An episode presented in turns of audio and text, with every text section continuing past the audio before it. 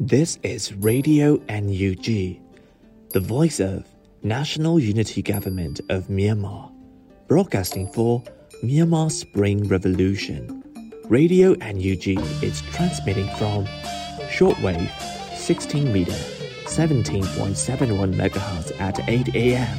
and 25 meter 11.965 megahertz at 8 p.m. Myanmar Standard Time. မင်္ဂလာပါခင်ဗျာအမျိုးသားညီညွတ်ရေးအစိုးရရဲ့အတန်လွင့်ဌာန Radio NUG ကိုမနက်၈နာရီမှလိုင်းတို16မီတာ7.3 MHz ညပိုင်း၈နာရီမှလိုင်းတို25မီတာ17.665 MHz တို့မှာဓာတ်ရိုက်ဖမ်းယူနားဆင်နိုင်ပါပြီ။မင်္ဂလာအပေါင်းနဲ့ပြည့်စုံကြပါစေ။အခုချိန်ကစပြီး Radio NUG အစီအစဉ်တွေကိုဓာတ်ရိုက်အတန်လွှင့်ပေးနေပါပြီ။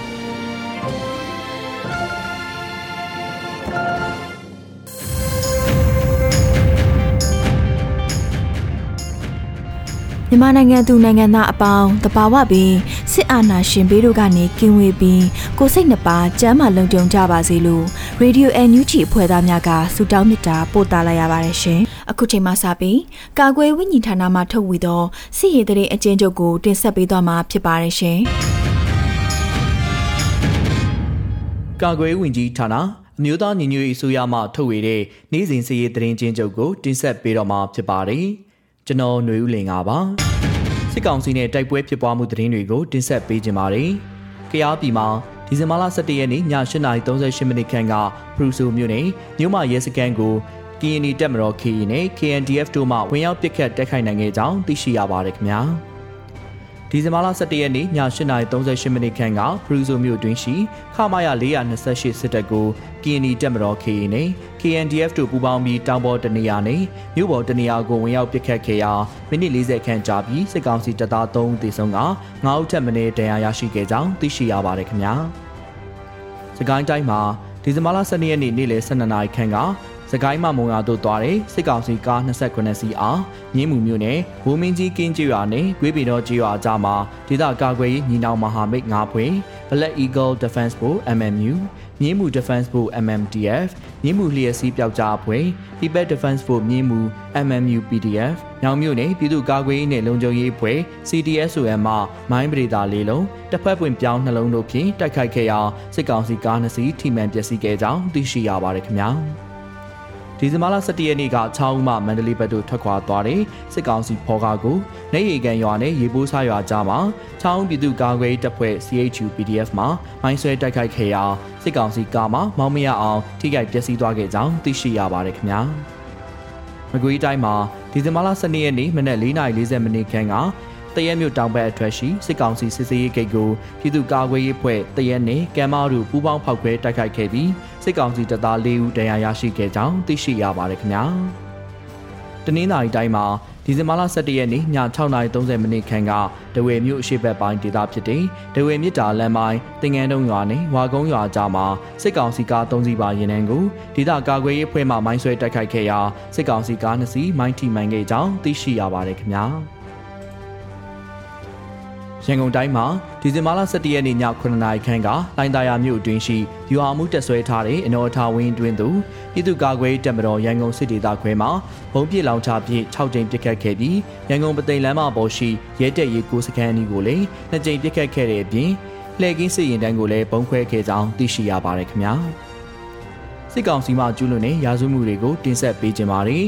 ချင်းပြည်မှာ ဒီဇင်ဘာလ12ရက်နေ့မနက်9:00နာရီခန့်ကမင်းတပ်မြို့ပေါ်အနောက်ဘက်ရက်ကွက်ရှိစစ်စေးရေးဂိတ်မှာလူငယ်တူကိုစစ်ကောင်စီမှစစ်ဆေးရာထိုလူငယ်ထွက်ပြေးသဖြင့်စစ်ကောင်စီများကတနက်ဖြစ်ဖြစ်ခဲ့ခဲ့ရာစောက်လုတ်ရေးရုံအောက်ဖက်မျက်စမ်းလက်ဖေးဆိုင်ရှိမှရက်နေတဲ့အမျိုးသားတူကြီးထိမှန်သိဆုံးခဲ့ကြောင်းသိရှိရပါတယ်ခင်ဗျာ။ စကိုင်းတိုင်းမှာဒီဇင်ဘာလ12ရက်နေ့ကမြောင်မြို့နယ်မြစ်ဆုံမှာတက်ချထားတဲ့စစ်ကောင်စီတပ်များကခေါင်းခွဲကျွေရသူလက်နက်ကြီးဖြင့်နှစ်ချက်ပစ်ခတ်ကရွာထဲမှာရောက်ရှိနေတဲ့စစ်ကောင်စီတပ်သားများကလည်းပြည်သူလေးဦးကိုပြစ်တက်သွားခဲ့ကြောင်းသိရှိရပါတယ်ခင်ဗျာ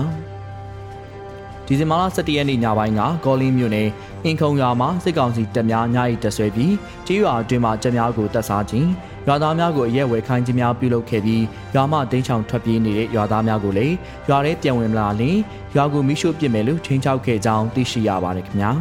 ။မန္တလေးတိုင်းမှာဒီဇင်ဘာလ12ရက်နေ့နေ့လယ်12:45မိနစ်ခန့်ကပသိမ်ကြီးမြို့နယ်ကြောင်မီကျွရမှာကျူရှင်ဆရာအထာက16ပန်းပြူသူစာတင်ဝိုင်းမှာဆရာဝင်းတန်းထွတ်အားအကြမ်းဖက်စစ်ကောင်စီများကဖမ်းဆီးသွားခဲ့ကြောင်းသိရှိရပါတယ်ခင်ဗျာ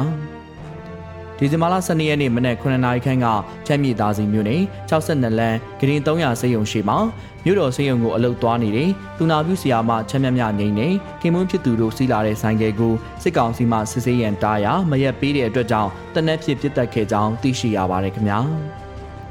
ဒီဇင်ဘာလ17ရက်နေ့ည7:00နာရီခန့်ကအောင်မြေသားဆန်မြို့နယ်26လမ်း88လမ်းတောက်မှာဆိုင်ကယ်စီးလာတဲ့လူငယ်လေးဦးကိုစစ်ကောင်စီမှတားမြစ်ရာမရက်ပေးတဲ့အတွက်ကြောင့်တနက်ဖြစ်ပစ်ခတ်ခဲ့ရာလူငယ်တဦးနေရာမှာတင်ပွဲချင်းပြီးတေဆုံးခဲ့ပြီးကြံသုံးဦးမှာထိခိုက်ဒဏ်ရာရရှိခဲ့ကြောင်းသိရှိရပါတယ်ခင်ဗျာတနင်္သာရီတိုင်းမှာဒီဇင်ဘာလ17ရက်နေ့ည7:00နာရီခန့်ကဒဝဲခရိုင်လောင်းလုံးမြို့နယ်အောက်ရည်ဖြူကျွော်အုပ်စုရှိ ရေပြူထိန်ကြီးပိနေတော်ကြရက်ငယ်ထိန်ကျွာဂုံအင်းနဲ့ကျွဲတိုက်မော်ကျွာများကိုစစ်ကောင်စီများကတရွာပြီးတရွာဝင်ရောက်ဝင်နောက်ခဲ့ပြီးပြည်သူများအားစစ်ကောင်စီမှရိုက်နှက်နှိပ်စက်ခြင်းပြည်သူငွေများအားလူယူသွားခြင်းစိုက်ကဲအမြောက်များကိုလည်းယူဆောင်သွားပြီးတစည်းလျင်ကြက်တသိန်းနှုံးဖြင့်ဂုံအင်းစာတင်ကျောင်းမှလာရောက်ယူယူခိုင်းတဲ့အပြင်အပြစ်မဲ့ပြည်သူများအားပြန်ပေးဆွဲသွားခြင်းတို့ကိုလှုံ့ဆော်နေကြောင်းသိရှိရပါတယ်ခင်ဗျာ ဒီဇင်ဘာလ17ရက်နေ့ည6နာရီခန့်ကတဝဲမြို့တလိုင်းမရက်ကွယ်ဘိုဟိုလန်းဆောင်နီရှိနေအိမ်တိန်သို့စစ်ကောင်စီများကဗီကိုကားနှစ်စီးဖြင့်ရောက်ရှိလာပြီးကိုဆက်မျိုးထွေအပါအဝင်မိသားစုဝင်၄ဦးအားအကြောင်းပြချက်မရှိဖမ်းဆီးခေါ်ဆောင်သွားခဲ့ကြောင်းသိရှိရပါတယ်ခင်ဗျာယခုတင်ဆက်သွားတဲ့သတင်းတွေကိုမြေပြင်သတင်းတာဝန်ခံများနဲ့သတင်းဌာနတွေမှာဖော်ပြလာတဲ့အချက်လက်တွေပေါ်အခြေခံပြုစုထားခြင်းဖြစ်ပါတယ်ယခုဆက်လက်ပြီး ပြည်ထောင်စုနဲ့လူဝင်မှုကြီးကြပ်ရေးဝန်ကြီးဌာနကထုတ်ပြန်ထားတဲ့တလတာအနှစ်ချုပ်ကိုဖတ်ကြားပေးပါမယ်။မြန်မာပြည်သူလူထုဟာဆရာနာရှင်စနစ်ချုပ်ငြိမ်းရေးနဲ့ Federal Democratic နိုင်ငံတော်တည်တည်ဆောက်ရန်ပြည်သူတော်လှန်ရေးကိုဆင်နွှဲနေကြပါတယ်။အာဏာသိမ်းချက်ဖက်စစ်ကောင်စီဟာမြန်မာပြည်သူများအပေါ်မတရားဖန်ဆီးတပ်ဖြန့်အကြမ်းဖက်လုပ်ရများကိုနိုင်စဉ်ကျူးလွန်လှုံ့ဆော်နေရာပြည်သူလူထုတရက်လုံးကအသက်ရှင်သန်မှုကာကွယ်ပိုင်ခွင့်အရာ ပြည်သူခုခံတော်လှန်စစ်ကိုမလွဲမရှောင်သာဆွေးနွေးနေကြရခြင်းဖြစ်ပါတယ်။အမျိုးသားညီညွတ်ရေးဆိုရရဲ့အရေးပေါ်အခြေအနေကြီးညာချက်ထုတ်ပြန်ပြီးကာလ9ရက်17လ2021ခုနှစ်မှာ6ရက်12လ2021ခုနှစ်ထိတတရတလတာအတွင်းအာနာသိန်းကျပ်ဖက်စစ်ကောင်စီဘက်မှတည်ဆုံသူ2119ဦးထိကြာဆုံးခဲ့ပြီးထိခိုက်ဒဏ်ရာရရှိသူ682ဦးထိခိုက်ဒဏ်ရာရရှိခဲ့ကြောင်းသိရှိရပါတယ်ခင်ဗျာ။ အမျိုးသားညီညွတ်ရေးအစိုးရဟာပြည်သူရင်ဝင်ခိုလုံရေးစီစဉ်ကိုကြိုးပမ်းဆောင်ရွက်လျက်ရှိရာအထက်ပါအရေးပေါ်ကြေညာချက်ထုတ်ပြန်ပြီးနောက်ပိုင်းပြည်သူဘက်သို့ရဲရဲဝံ့ဝံ့ရက်တီလာကြတဲ့စစ်သား CDM နဲ့ရဲ CDM များလည်းနေ့စဉ်များပြားလာနေပါတယ်။မြန်မာပြည်သူများရဲ့ပြည်သူခုခံဒေါ်လန်စစ်ဟာနိုင်ငံတော်ဝန်မှအရှိန်မြင့်ပြီးဆက်လက်ဖြစ်ပွားလျက်ရှိကာမြေပြင်မှာယခုတင်ဆက်သွားတဲ့သတင်းချက်လက်များထက်ပို၍ဖြစ်ပွားနိုင်ကြောင်းသိရှိရပါတယ်ခင်ဗျာကျွန်တော်ကတော့ຫນွေဦးလင်ပါ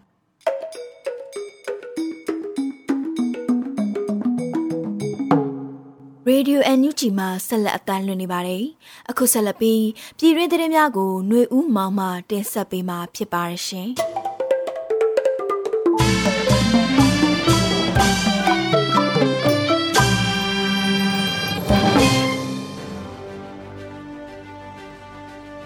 မင်္ဂလာပါခင်ဗျာအခုချိန်ကစပြီး Radio NUG မနက်ခင်းသတင်းများကိုဖတ်ကြားပေးပါတော့မယ်ခင်ဗျာအခုတင်ပြပေးမယ့်သတင်းတွေကတော့ Radio NUG သတင်းတာဝန်ခံတွေနဲ့ခိုင်လုံသောမိဖက်သတင်းရင်းမြစ်တွေမှအခြေခံထားတာဖြစ်ပါတယ်ကျွန်တော်ကတော့ຫນွေဦးမှာပါတရချောင်းမြို့နယ်မှာအရက်သားနေအိမ်၃လုံးကိုစစ်ကောင်စီတပ်များကမီးရှို့ဖျက်ဆီးခဲ့ကြပါတယ်ဒီဇင်ဘာ17ရက်နေ့မွန်းလွဲ2နာရီခွဲခန့်တွင်စစ်ကောင်စီတပ်သားများသည်တဝဲခရိုင်တရချောင်းမြို့နယ်စော်ပြားကြီးရွာကိုဝင်ရောက်လာခဲ့ပြီးနောက်နေအိမ်၃လုံးကိုမီးရှို့ဖျက်ဆီးခဲ့ကြတာပါစစ်ကောင်စီတပ်များကမီးရှို့ဖျက်ဆီးပြီးနောက်ပြန်သွားချိန်မှာလဲ ကြံနေတဲ့အိမ်တွေကိုလည်းမီးရှို့ပစ်မယ်လို့ကြိမ်းမောင်းသွားကြကြောင်းရွာသားများကပြောပါတယ်။အဆိုပါအကြမ်းဖက်စစ်ကောင်စီများကိုတော့အာနာသိန်းစစ်တပ်ကလက်နက်တပ်ဆင်ပေးထားတဲ့ပြူစောတိတပ်ခေါင်းဆောင်ဦးအောင်စိန်ကခေါင်းဆောင်ဝင်ရောက်လာတာဖြစ်ပါတယ်။ဗီဂိုကားသုံးစီးအင်အားပြည့်ဖြင့်အခုလိုလာရောက်ဖျက်ဆီးသွားခြင်းဖြစ်ပြီးမီးရှို့ခံရသည့်အိမ်များတွင်အမျိုးသားဒီမိုကရေစီအဖွဲ့ချုပ်မှအမာခံများဖြစ်ကြတဲ့ဦးညံဝင်းဦးလွင်နဲ့ဦးဝင်းမောင်တို့နေအိမ်များဖြစ်ပါတယ်။ အခုမီးရှို့ခံရတဲ့နေအိမ်ပိုင်ရှင်တွေကတော့အိမ်မှာမရှိပါဘူးသူတို့ကိုလာဖမ်းတာလူမတွေ့လို့အိမ်ကိုမီးရှို့ဖျက်ဆီးခဲ့တာဟုစော်ပြားချေးရွာဒေသခံကပြောပါတယ်စော်ပြားချေးရွာမှာစစ်ကောင်စီနဲ့ပြူစောတိပူးပေါင်းအဖွဲ့တို့အခုလိုမီးရှို့ဖျက်ဆီးခြင်းနဲ့တနက်ပစ်ဖောက်ခဲ့ခြင်းတို့ကြောင့်ရွာသူရွာသားအချို့ကြောက်လန့်ပြီးထွက်ပြေးတိမ်းရှောင်ခဲ့ကြပါတယ်။တရက်ချောင်းမြို့နယ်စော်ပြားချေးရွာမှာပြူစောတိအောင်စိန်နဲ့စစ်ကောင်စီတပ်အပေါင်းပါများဟာခုလိုပဲလက်နက်အားကိုဝင်ရောက်ပြီးစစ်စေးတောင်းကျမ်းခြင်း အိမ်များကိုဖျက်ဆီးခြင်းများမကြာခဏပြုလုပ်လို့ရှိရလို့လည်းသိရကြောင်းပါခင်ဗျာ။ကျိုင်းတုံမြို့တွင်အမျိုးသမီး၃ဦးအသက်ခံရတဲ့တဲ့တင်ကိုတင်ဆက်ပေးပါမယ်။ရှမ်းပြည်အရှေ့ပိုင်းကျိုင်းတုံမြို့တွင်ယမန်နေ့ဒီဇင်ဘာ19ည9:00နာရီဝန်းကျင်တွင်အမျိုးသမီး၃ဦးအသက်ခံရကြောင်းဒေသခံတွေပြောပြချက်အရသိရပါတယ်။အဆိုပါလူသက်မှုသည်ကျိုင်းတုံမြို့ရက်ကွက်နှင့်ကျိုင်းလန်းတက်နေဝန်ကားဂိတ်အနီးနေအိမ်တစ်ခုတွင်ဖြစ်ပွားခဲ့ပြီးအမျိုးသမီး၃ဦးအသက်ခံခဲ့ရကြောင်း လက်ရှိအချိန်ထိမြည်သည့်အဖွဲ့လာရောက်တတ်သွားသည်ကိုမသိရှိရသေးကြောင်းကျိုင်းတုံဒေသခံတွေကပြောပြပါတယ်။မနေ့ညကဖြစ်သွားတာအမျိုးသမီး၃ယောက်အသက်ခံရတာအသက်ကြီးနေပြီ90ဝန်းကျင်နေလောက်ပဲအတိအကျတော့မသိဘူးဘဒူတက်သွားတာလည်းမသိဘူးလို့ပရာဟိတအသင်းဝင်အမျိုးသားတဦးကပြောပါတယ်။အစိုးပါအသက်ခံရတဲ့အမျိုးသမီး၃ဦးသည်ကျိုင်းတုံမျိုးမဈေးတွင်ဝေလွှဲတဲ့လုပ်ငန်းလုပ်ကင်သူများဖြစ်ကြကြောင်းဒေသခံတွေကပြောပါတယ်။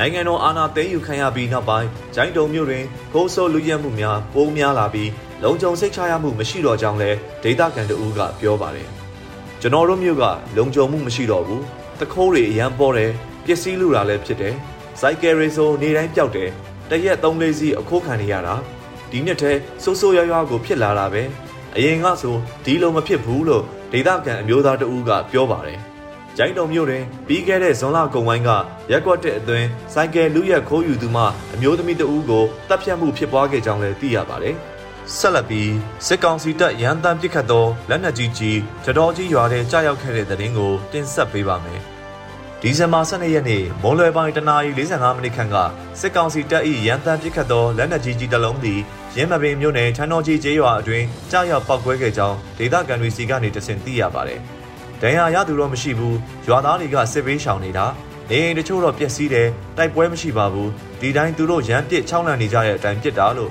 ဒေသခံတအူးကပြောပါတယ်။လက်ရှိတွင်စစ်ကောင်စီတပ်ဟာဒုံတော်ရွာအတွင်းရှိနေအိမ်များတွင်ကင်းပုံဝတ်နေပြီးရိတ်ခါပြန်ယူသောရွာသားတအုပ်မှလိုက်လံပစ်ခတ်ခံရခြင်းကြောင့်ထွက်ပြေးခဲ့ရကြောင်းလည်းဒေသခံတွေကပြောပါတယ်။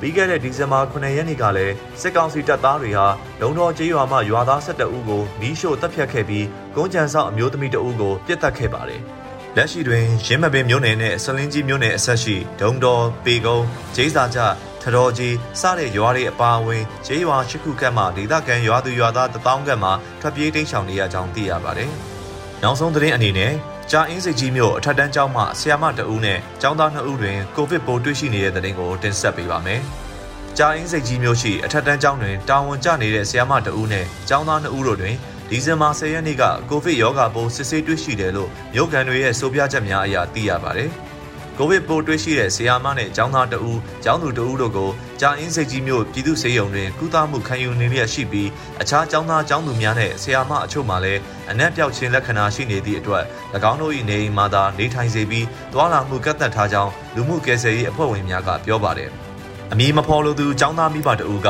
ကိုဗစ်တွေ့တာမှန်ပါတယ်ရှင်။ဆရာမတဦးကျောင်းသားတဦးနဲ့မတဦးပေါ့နော်။အပြင်မှာလဲဆရာမတွေနဲ့အခြားကျောင်းသား9ယောက်6ယောက်အနက်မရတာရှိသေးတယ် သူတို့ကိုတော့အသွားလာကန့်သက်ထားတယ်။ထိတွေ့ထားတဲ့စာသင်ကျောင်းမှာကယ်ဆယ်ရေးအဖွဲ့ဝင်တွေသွားစစ်တာကူးစက်မှုမတွေ့ရှိဘူး။အချို့ကျောင်းသားတွေကကြောက်လို့ကျောင်းမလာကြတာလည်းရှိတယ်လို့သူကပြောပါတယ်။ယခုအချိန်တွင်ကိုဗစ်ရောဂါပိုးကူးစက်မှုပြန်လည်တွေ့ရှိလာတဲ့အတွက်ကျောင်းသားကျောင်းသူများအားရောဂါကူးစက်မှုဆက်ဖြစ်လာမည်ကိုကျောင်းသားမိဘများကစိုးရိမ်လျက်ရှိပြီးကျေးရွာအချို့တွင်ယနေ့အထိကိုဗစ်ရောဂါပိုးကူးစက်မှုများဖြစ်ပွားနေဆဲဖြစ်ကြောင်းကျေးရွာတာဝန်ရှိသူများထံမှသိရပါတယ်။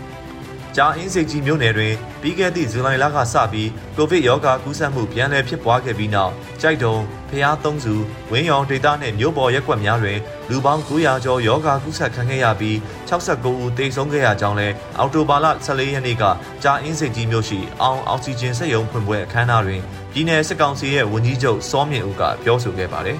။ယခုတက်ဆက်ပေးခဲ့တာကတော့ဒီဇင်ဘာ12ရက်နေ့ရပြည်ရင်းသတင်းများပဲဖြစ်ပါတယ်။ အခုတင်ပြခဲ့တဲ့သတင်းတွေကတော့ Radio NUG သတင်းတောင်ခံများနဲ့ခိုင်လုံသောမိဖက်သတင်းရင်းမြစ်တွေမှာအခြေခံထားတာဖြစ်ပါတယ်ကျွန်တော်ကတော့ຫນွေဦးမှာပါ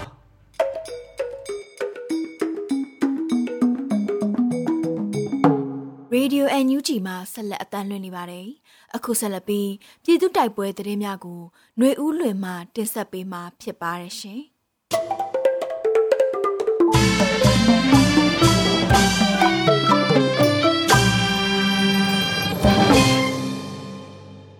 မဆုံးအနေနဲ့ဖရူဆိုမြို့နယ်မှာခမာရ၄နှစ်ရှစ်တန်းနဲ့မြို့နယ်ရဲစခန်းကို KND တပ်မတော်နဲ့ KNDF ပူးပေါင်းအဖွဲ့ဝင်ပြစ်လို့စစ်သား၃တေဆုံးတဲ့တဲ့ရင်ကိုတင်ဆက်ပေးပါပါ။။ကယားပြည်နယ်ဖရူဆိုမြို့နယ်မှာဒီဇင်ဘာလ17ရက်နေ့ည8:38မိနစ်အချိန်ဖရူဆိုမြို့နယ်အတွင်းရှိခမာရ၄နှစ်ရှစ်တက်နဲ့ဖရူဆိုမြို့မရဲစခန်းကို KND တပ်မတော်နဲ့ KNDF ပူးပေါင်းတပ်ဖွဲ့ကဝင်ရောက်ပစ်ခတ်ခဲ့ရာစစ်သား3ဦးသေဆုံးပြီး9ဦးထပ်မံဒဏ်ရာရရှိကြောင်းသတင်းထုတ်ပြန်ချက်အရသိရပါဗျ။ ယမန်နေ့ဒီဇင်ဘာလ17ရက်နေ့ည8:38မိနစ်အချိန်မှာဖရူဆိုမြို့နယ်အတွင်းရှိခမာရ၄နှစ်ရှစ်တက်ကို KA နဲ့ KNDF ပူးပေါင်းတပ်ဖွဲ့ကဝင်ရောက်ပစ်ခတ်ခဲ့တဲ့တိုက်ပွဲဟာမိနစ်40ကြာမြင့်ခဲ့ပြီးစစ်ကောင်စီတပ်ဘက်က3ဦးသေဆုံးက9ဦးထပ်မံဒဏ်ရာရရှိကြောင်းထုတ်ပြန်ထားတာပါအလားတူတစ်ချိန်တည်းမှာပဲ KA နဲ့ KNDF ပူးပေါင်းတပ်ဖွဲ့ဟာဖရူဆိုမြို့နယ်မြို့မှာရဲစခန်းကိုလည်းဝင်ရောက်ပစ်ခတ်ခဲ့ပြီးအထိကိအကြဆုံးအခြေအနေမသိရှိရသေးကြောင်းနဲ့စစ်တပ်ဘက်မှလက်နက်ကြီးများနဲ့ရန်တမ်းပစ်ခတ်ခဲ့ပေမဲ့ပူးပေါင်းတပ်ဖွဲ့ဘက်မှထိခိုက်မှုမရှိကြောင်းထုတ်ပြန်ထားပါတယ်။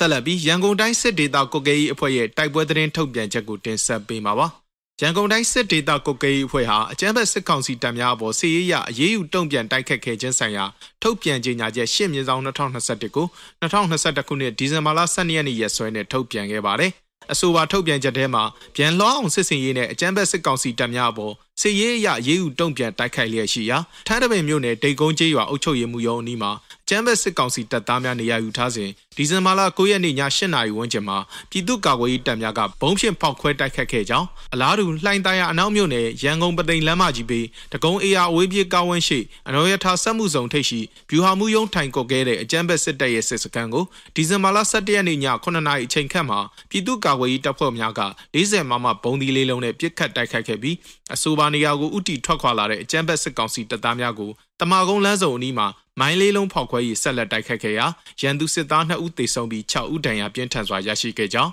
တိုက်ကြီးမြို့နယ်အိုရန်ရက်ကွက်အုပ်ချုပ်ရေးမှူးရုံးရှိရှိအကြမ်းဖက်စစ်ကောင်စီတပ်များနေရာယူထားတဲ့ဘန်ကာအတွင်းကိုဒီဇင်ဘာလ12ရက်နေ့မနက်9:00နာရီချိန်ခန့်မှာပြည်သူ့ကာကွယ်ရေးတပ်ဖွဲ့များကလက်ပစ်ဗုံးနဲ့ပစ်ခတ်တိုက်ခတ်ခဲ့ရာ ရန်သူစစ်သား2ဦးသေဆုံးပြီး2ဦးပေါင်ပြတ်ဒဏ်ရာရရှိခဲ့ကြောင်းရန်ကုန်တိုင်းစစ်ဒေသခွဲကော့ကဲကြီးအဖွဲ့အနေနဲ့အကြမ်းဖက်စစ်ကောင်စီတပ်များနဲ့၎င်းတို့ရဲ့လက်ပါစီများအပေါ်စစ်ရေးရအရေးယူဆောင်ရွက်မှုများယခုထပ်ပို၍ပြင်းပြင်းထန်ထန်ဆောင်ရွက်နိုင်ရေးအတွက်ကိုစွမ်းညံစွမ်းရှိသူ၍ကြိုးပမ်းဆောင်ရွက်လျက်ရှိကြောင်းထုတ်ပြန်ထားပါတယ်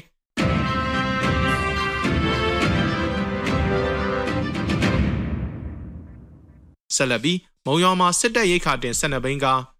မိုင်းခွဲတိုက်ခိုက်ခံရတဲ့တဲ့ရင်တင်ဆက်မှာပါ။ စကိုင်းတိုင်းမုံရွာမြို့နယ်ထနောင်းဝင်းဘက်မှမုံရွာဘက်ကိုထွက်ခွာလာတဲ့ကျမ်းဘက်စစ်ကောင်စီရိတ်ခါတင်မိုးကအုပ်ထားတဲ့12ဘိန်းကားကိုမုံရွာ Ranger Group နဲ့ Truth Army အဖွဲ့ကပရိသာမိုင်း3လုံးနဲ့ဒီကနေ့ဒီဇင်ဘာလ12ရက်နေ့မနက်9:00နာရီဝန်းကျင်ကမိုင်းဆွဲတိုက်ခတ်ခဲ့ကြောင်းထုတ်ပြန်ကြေညာခဲ့တာပါ။မိုင်းဆွဲတိုက်ခိုက်မှုကြောင့်မိုးကအုပ်12ဘိန်းကားကားဘိန်းများကျွတ်ထွက်သွားပြီးကျမ်းဘက်စစ်ကောင်စီတပ်သား2ဦးနေရာမှာပွဲချင်းပြီးတေဆုံးကဒဏ်ရာရရှိသူများများနိုင်တယ်လို့သိရပါတယ်။ စစ်တပ်နက်များနဲ့ရန်တမ်းပစ်ခတ်ပေမဲ့အဖွဲ့သားများအထိကိမရှိအောင်မြင်စွာဆုတ်ခွာနိုင်ခဲ့တယ်လို့ထုတ်ပြန်ချက်မှာဖော်ပြထားပါတယ်။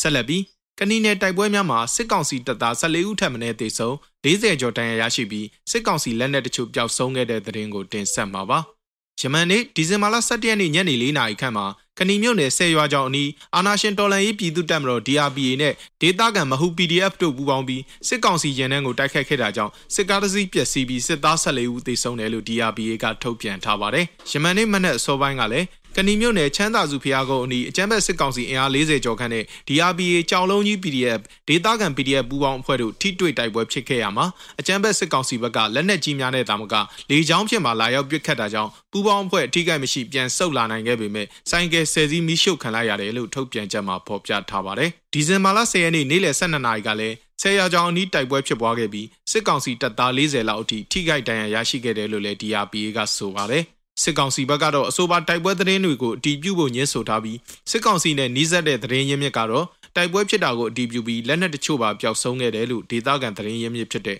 ချင်းရွဲ review ကိုပြောဆိုခဲ့ပါတယ်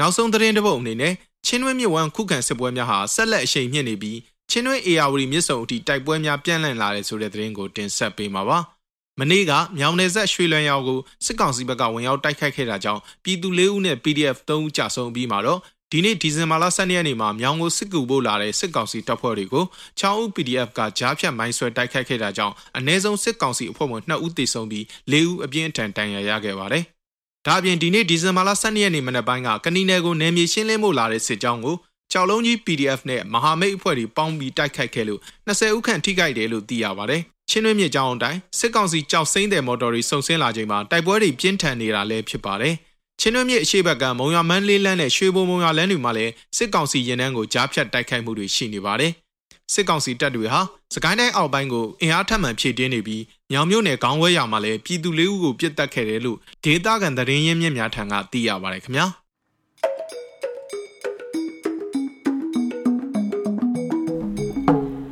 Radio NUG မှာဆက်လက်အသံလွှင့်နေပါတယ်။အခုဆက်လက်ပြီးနေ့စဉ်သတင်းတင်ဆက်မှုကိုမတ်ထထအိန္ဒြာအောင်မှတင်ဆက်ပေးမှာဖြစ်ပါတယ်ရှင်။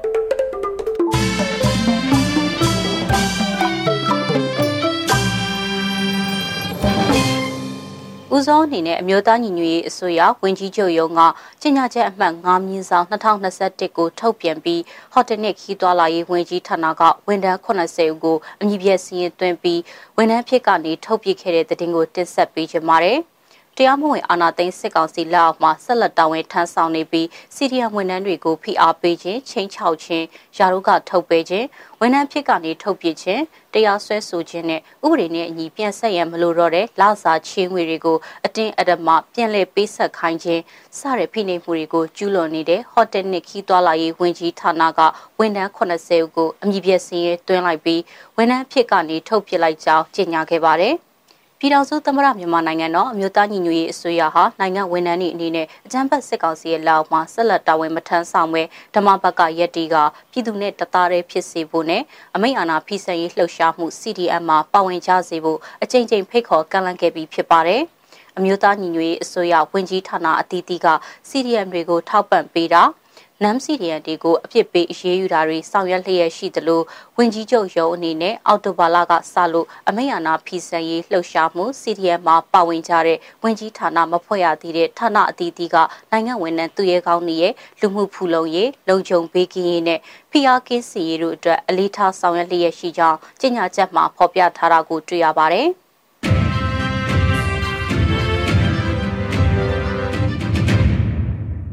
အခုဆက်လက်ပြီးအမျိုးသားညီညွတ်ရေးအစိုးရရဲ့အောင်လံလွှင့်ချီຫນွေဦးထီကိုနေ့စဉ်ထိုးနိုင်ပြီးဖြစ်ကြောင်းຫນွေဦးထီမိသားစုကထုတ်ပြန်လိုက်တဲ့သတင်းကိုတင်ဆက်ပေးခြင်းပါတယ်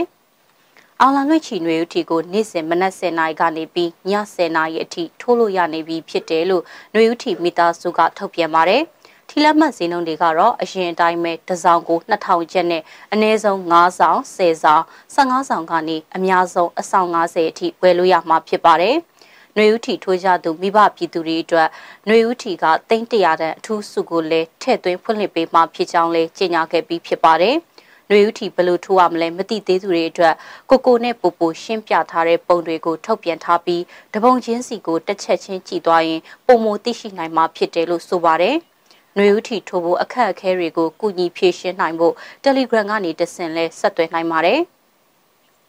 customer care bot မှာ new t အကြောင်း H&W အကြောင်းထီလက်မှတ်အကြောင်းစတဲ့မေခွန်းတစ်ခုချင်းစီကိုနှိပ်ပြီးတော့မေးမြန်းနိုင်ပါတယ်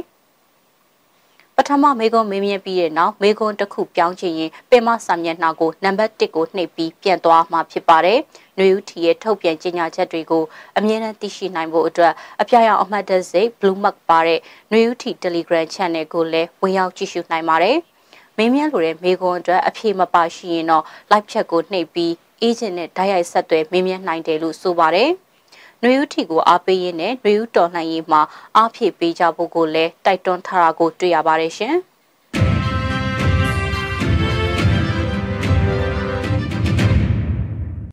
ဆက်လက်ပြီးပြီးခဲ့တဲ့နိုဝင်ဘာလထဲမှာအမျိုးသားညီညွတ်ရေးအစိုးရလူသားချင်းစာနာထောက်ထားရေးနဲ့ BND ရဲ့ဆိုင်ရာစီမံခန့်ခွဲရေးဝန်ကြီးဌာနကကျပ်ငွေ188ဒသမ6ခွန်တန်းထောက်ပံ့ခဲ့တဲ့တဲ့တင်ကိုတင်ဆက်ပေးချင်ပါတယ်။ 2021ခုနှစ်နိုဝင်ဘာလအတွင်းအမျိုးသားညီညွတ်ရေးအစိုးရလူသားချင်းစာနာထောက်ထားရေးနဲ့ဘေးရန်တွေရဲ့ဆိုင်ရာစီမံခန့်ခွဲရေးဝန်ကြီးဌာနကတနိုင်ငံလုံးအတိုင်းအတာအနေနဲ့လူသားချင်းစာနာမှုကူညီထောက်ပံ့ပေးခဲ့ရာစုစုပေါင်းကျပ်ငွေ188ဒသမ6ခွန်တန်ထောက်ပံ့ပေးခဲ့တယ်လို့ဝန်ကြီးဌာနကထုတ်ပြန်ပါတယ်။ဒီလိုထောက်ပံ့တဲ့နေရာမှာနေရစွန့်ခွာထွက်ပြေးတိမ်းရှောင်သူစစ်ဘေးရှောင်တွေကို114ဒသမ2.3ညတန် ကြာဆုံးသူမိသားစုဝင်များအတွက်73ဒသမ6တန်ဝင်ကြီးဌာန CDM များအတွက်ထောက်ပံ့မှု20ဒသမ4တန်စီရီယာကိုဝင်ဆောင်မိခင်များနဲ့ကလေးနှစ်နှစ်အောင်မိခင်များဗတန်ဆွမ်းပြည်သူများအပါအဝင် ထိခိုက်လွယ်ပြည်သူများနဲ့သူတို့ရဲ့မိသားစုတွေအတွက်19ဒသမ6တန်အထွေထွေလူသားချင်းစာနာမှုအကူအညီ21ဒသမ36တန်တို့ကိုကုညီထောက်ပံ့ပေးနိုင်ခဲ့တာဖြစ်တယ်လို့ဆိုပါတယ်။ ထောက်ပံ့မှုအကုန်လုံးကပြည်သူကနေပြည်သူကိုကူညီပေးမှုတွေဖြစ်ပြီးတော့မြန်မာပြည်သူပြည်သားတွေနဲ့အတူနိုင်ငံခြားသားပြည်သူတချို့လည်းပါဝင်ကူညီထားပါတယ်။ဝင်ကြီးဌာနအနေနဲ့ထောက်ပံ့ဖို့လိုနေတဲ့ပြိပခဖြစ်ပွားရာနေရာကပြည်သူတွေအတွက်တတ်နိုင်သလောက်တောက်လျှောက်ပံ့ပိုးနေပေမဲ့လုံခြုံရေးအခြေအနေအရအသေးစိတ်ကိုချိန်နဲ့တပြေးညီမထုတ်ပြန်နိုင်တာကိုနားလည်ပေးစီလိုကြောင်းလည်းဖော်ပြထားပါတယ်။ဒီလိုထောက်ပံ့မှုတွေအစစ်မပြတ်လှုပ်ဆောင်နေပေမဲ့လိုအပ်ချက်အများအပြားလည်းရှိနေတာဖြစ်ပါတယ်။ စစ်ကောင်စီပြုတ်သွားမှဒီပြိပခအခြေအနေတွေရပ်တန့်သွားမှာဖြစ်တာကြောင့်ပြည်သူတွေအနေနဲ့စစ်ကောင်စီအမြန်ပြုတ်ကြရေးကိုတတ်နိုင်တဲ့ဘက်ကအားစိုက်ပေးဖို့မြစ်တာရက်ခံတိုက်တွန်းထားတာကိုလည်းတွေ့ရပါတယ်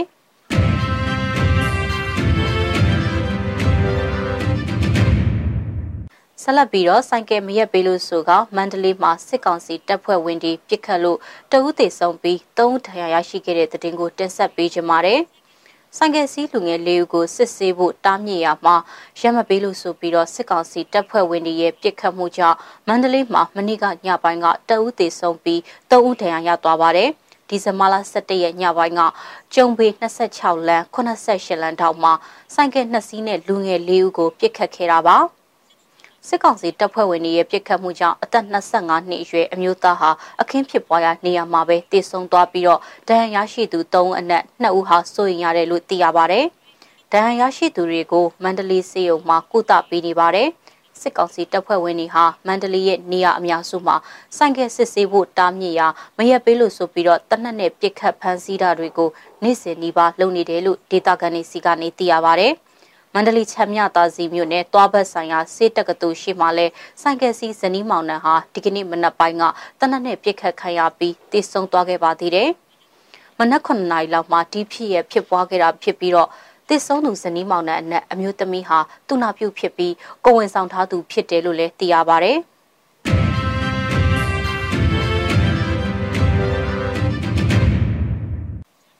အကြမ်းဖက်စစ်ကောင်စီပေါ်ဗြိတိန်အမေရိကန်ကနေဒါတို့ရဲ့ဒဏ်ခတ်အရေးယူမှုကို Justice for Myanmar ကကြိုဆိုပြီးစစ်လက်နက်ရောင်းချမှုပိတ်ပင်ရေးနဲ့ ICC ကိုလွှဲအပ်ရန်ကုလလုံခြုံရေးကောင်စီကိုထပ်မံတောင်းဆိုလိုက်တဲ့သတင်းကိုတင်ဆက်ပေးပါမယ်။မြန်မာကျန်းဖက်စစ်ကောင်စီပေါ်ဗြိတိန်အမေရိကန်နဲ့ကနေဒါတို့ရဲ့ပူးပေါင်းတန်ခတ်ပိတ်ဆို့မှုကိုကြိုဆိုကြောင်း Justice for Myanmar ကထုတ်ပြန်ကြေညာပါတယ်။ မြန်မာစစ်တပ်ကိုကမ္ဘာလုံးဆိုင်ရာစစ်လက်နက်ရောင်းချမှုပိတ်ပင်ရေးနဲ့မြန်မာနိုင်ငံအမှုကိုနိုင်ငံတကာရာဇဝတ်ခိုယုံစီလွှဲအရန်ကုလလုံခြုံရေးကောင်စီကိုထပ်မံတောင်းဆိုကြောင်း Justice for Myanmar ရဲ့ပြောရေးဆိုခွင့်ရှိသူမရတနာမောင်ကပြောပါတယ်။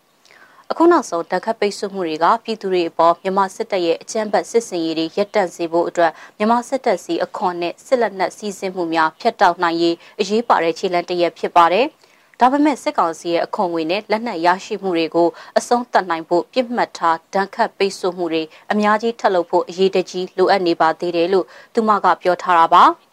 ဗြိတိန်အမေရိကန်နဲ့ကနေဒါနိုင်ငံတို့ဟာအကြမ်းဖက်စစ်ကောင်စီကဝင်ကြီးချုပ်၄ဦးနဲ့စစ်ထောက်ချုပ်ရုံကာကွယ်ရေးပစ္စည်းထုတ်လုပ်ရေးညွှန်ကြားရေးမှူးရုံမြန်မာနိုင်ငံစစ်မှုထမ်းဟောင်းများအဖွဲ့တို့ကိုဒဏ်ခတ်ပိတ်ဆို့အရေးယူကြောင်းဒီဇင်ဘာလ10ရက်နေ့မှာကြေညာခဲ့တာဖြစ်ပါတယ်။ ဒီကနေ့ကတော့ဒီညနဲ့ပဲ Radio NUG ရဲ့အစီအစဉ်တွေကိုခਿੱတရနာလိုက်ပါမယ်မြန်မာစံတော်ချိန်မနက်၈နာရီနဲ့ညနေ၈နာရီအချိန်တွေမှာပြန်လည်ဆုံတွေ့ကြပါစို့ Radio NUG ကိုမနက်၈နာရီမှာလိုင်းတို16မီတာ7.3 MHz ညပိုင်း၈နာရီမှာလိုင်းတို25မီတာ17.665 MHz တို့မှာဓာတ်ရိုက်ဖမ်းယူနားဆင်နိုင်ပါပြီမြန်မာနိုင်ငံသူနိုင်ငံသားများကိုစိတ်နှပြကျန်းမာချမ်းသာလို့ ဘေးကင်းလုံခြုံကြပါစေလို့ Radio NUG အဖွဲ့သူအဖွဲ့သားများကဆုတောင်းလိုက်ရပါတယ်။အမျိုးသားညီညွတ်ရေးအစိုးရရဲ့စက်သွယ်ရေးသတင်းအချက်အလက်နဲ့ဤပညာဝန်ကြီးဌာနကထုတ်လွှင့်နေတဲ့ Radio NUG ဖြစ်ပါတယ်။ San Francisco Bay Area အခြေစိုက်မြန်မာမိသားစုများနဲ့နိုင်ငံတကာကစေတနာရှင်များလှူအားပေးများရဲ့ Radio NUG ဖြစ်ပါတယ်။အရေးတော်ပုံအောင်ရမည်။